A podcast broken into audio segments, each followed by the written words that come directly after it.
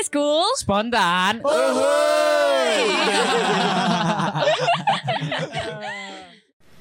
Halo buat Koreans, balik lagi di segmen Amer. Dan kali ini kalian bakal ditemenin bareng aku, Sean.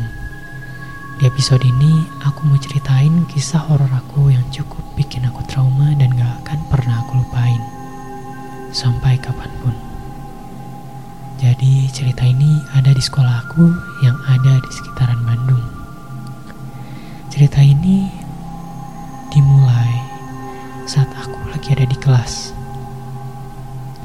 Ketika situasinya masih pagi dan teman-teman aku baru mau masuk kelas karena baru mulai absensi. Disclaimer, jumlah murid di kelas aku ada 36. Tapi pas lagi absensi, ternyata kelebihan satu, ada 37. Kita bingung, kenapa hal ini bisa terjadi. Akhirnya kita ngulang absensi sampai tiga kali. Dan di yang ketiga ini baru jumlah kita ada 36. Kita gak mau mikir macem-macem, cuman bisa positive thinking. Tapi ini baru keanehan pertama.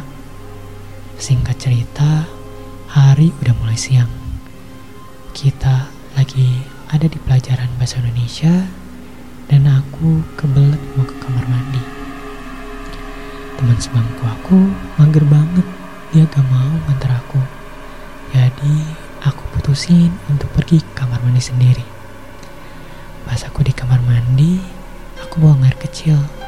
Setelah itu, di depan pintu kamar mandi ada teman sebangku aku. Sumpah, aku merinding banget. Aku tanya dia, kamu ada di sini? Bukannya tadi mager. Terus anehnya, dia nggak jawab dan cuma bilang, cepet, aku juga kebelet. Di situ aku biarin aja deh, dan aku langsung cabut ke kelas. Dan kalian tahu gak hal yang anehnya itu apa? Ternyata temen aku masih di meja. Aku seketika pingsan rasanya. Tapi aku berusaha untuk tenang karena mungkin aku tadi salah lihat atau gimana. Aku pun ke bangku dan tanya ke temanku ini. Dimas, kamu tadi ke kamar mandi? Terus dia bilang, enggak lah, dari tadi juga aku di sini dengerin Bu Imas ngejelasin materi. Di situ aku diem dan gak ngomong sampai istirahat. Dan pas istirahat, si Dimas ngajak aku ke kantin dan nanya, lah kamu kenapa? Marah gara-gara gak aku anterin ke toilet. Terus aku cuma bisa geleng-geleng karena jujur masih shock banget sama kejadian di toilet tadi siang. Tapi aku gak bisa kalau harus mendem cerita dan akhirnya aku memberanikan diri cerita ke Dimas atas pengalaman tadi siang. Dan dia bilang, aku udah gak sekali dua kali dengar cerita kayak kamu tadi.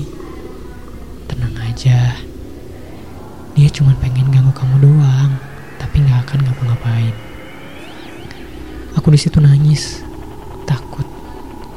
Sehabis pulang sekolah, aku dan Dimas pergi ke Pak Pak Marwan itu penjaga sekolah kita. Kita berdua datengin dia dan ceritain semua yang terjadi. Dan kata Pak Marwan, itu mah udah biasa bagi bapak karena memang sering terjadi di sini. Pak Marwan bilang, memang di mana pun itu suka ada makhluk halus yang ingin menyerupai manusia dan ganggu manusia.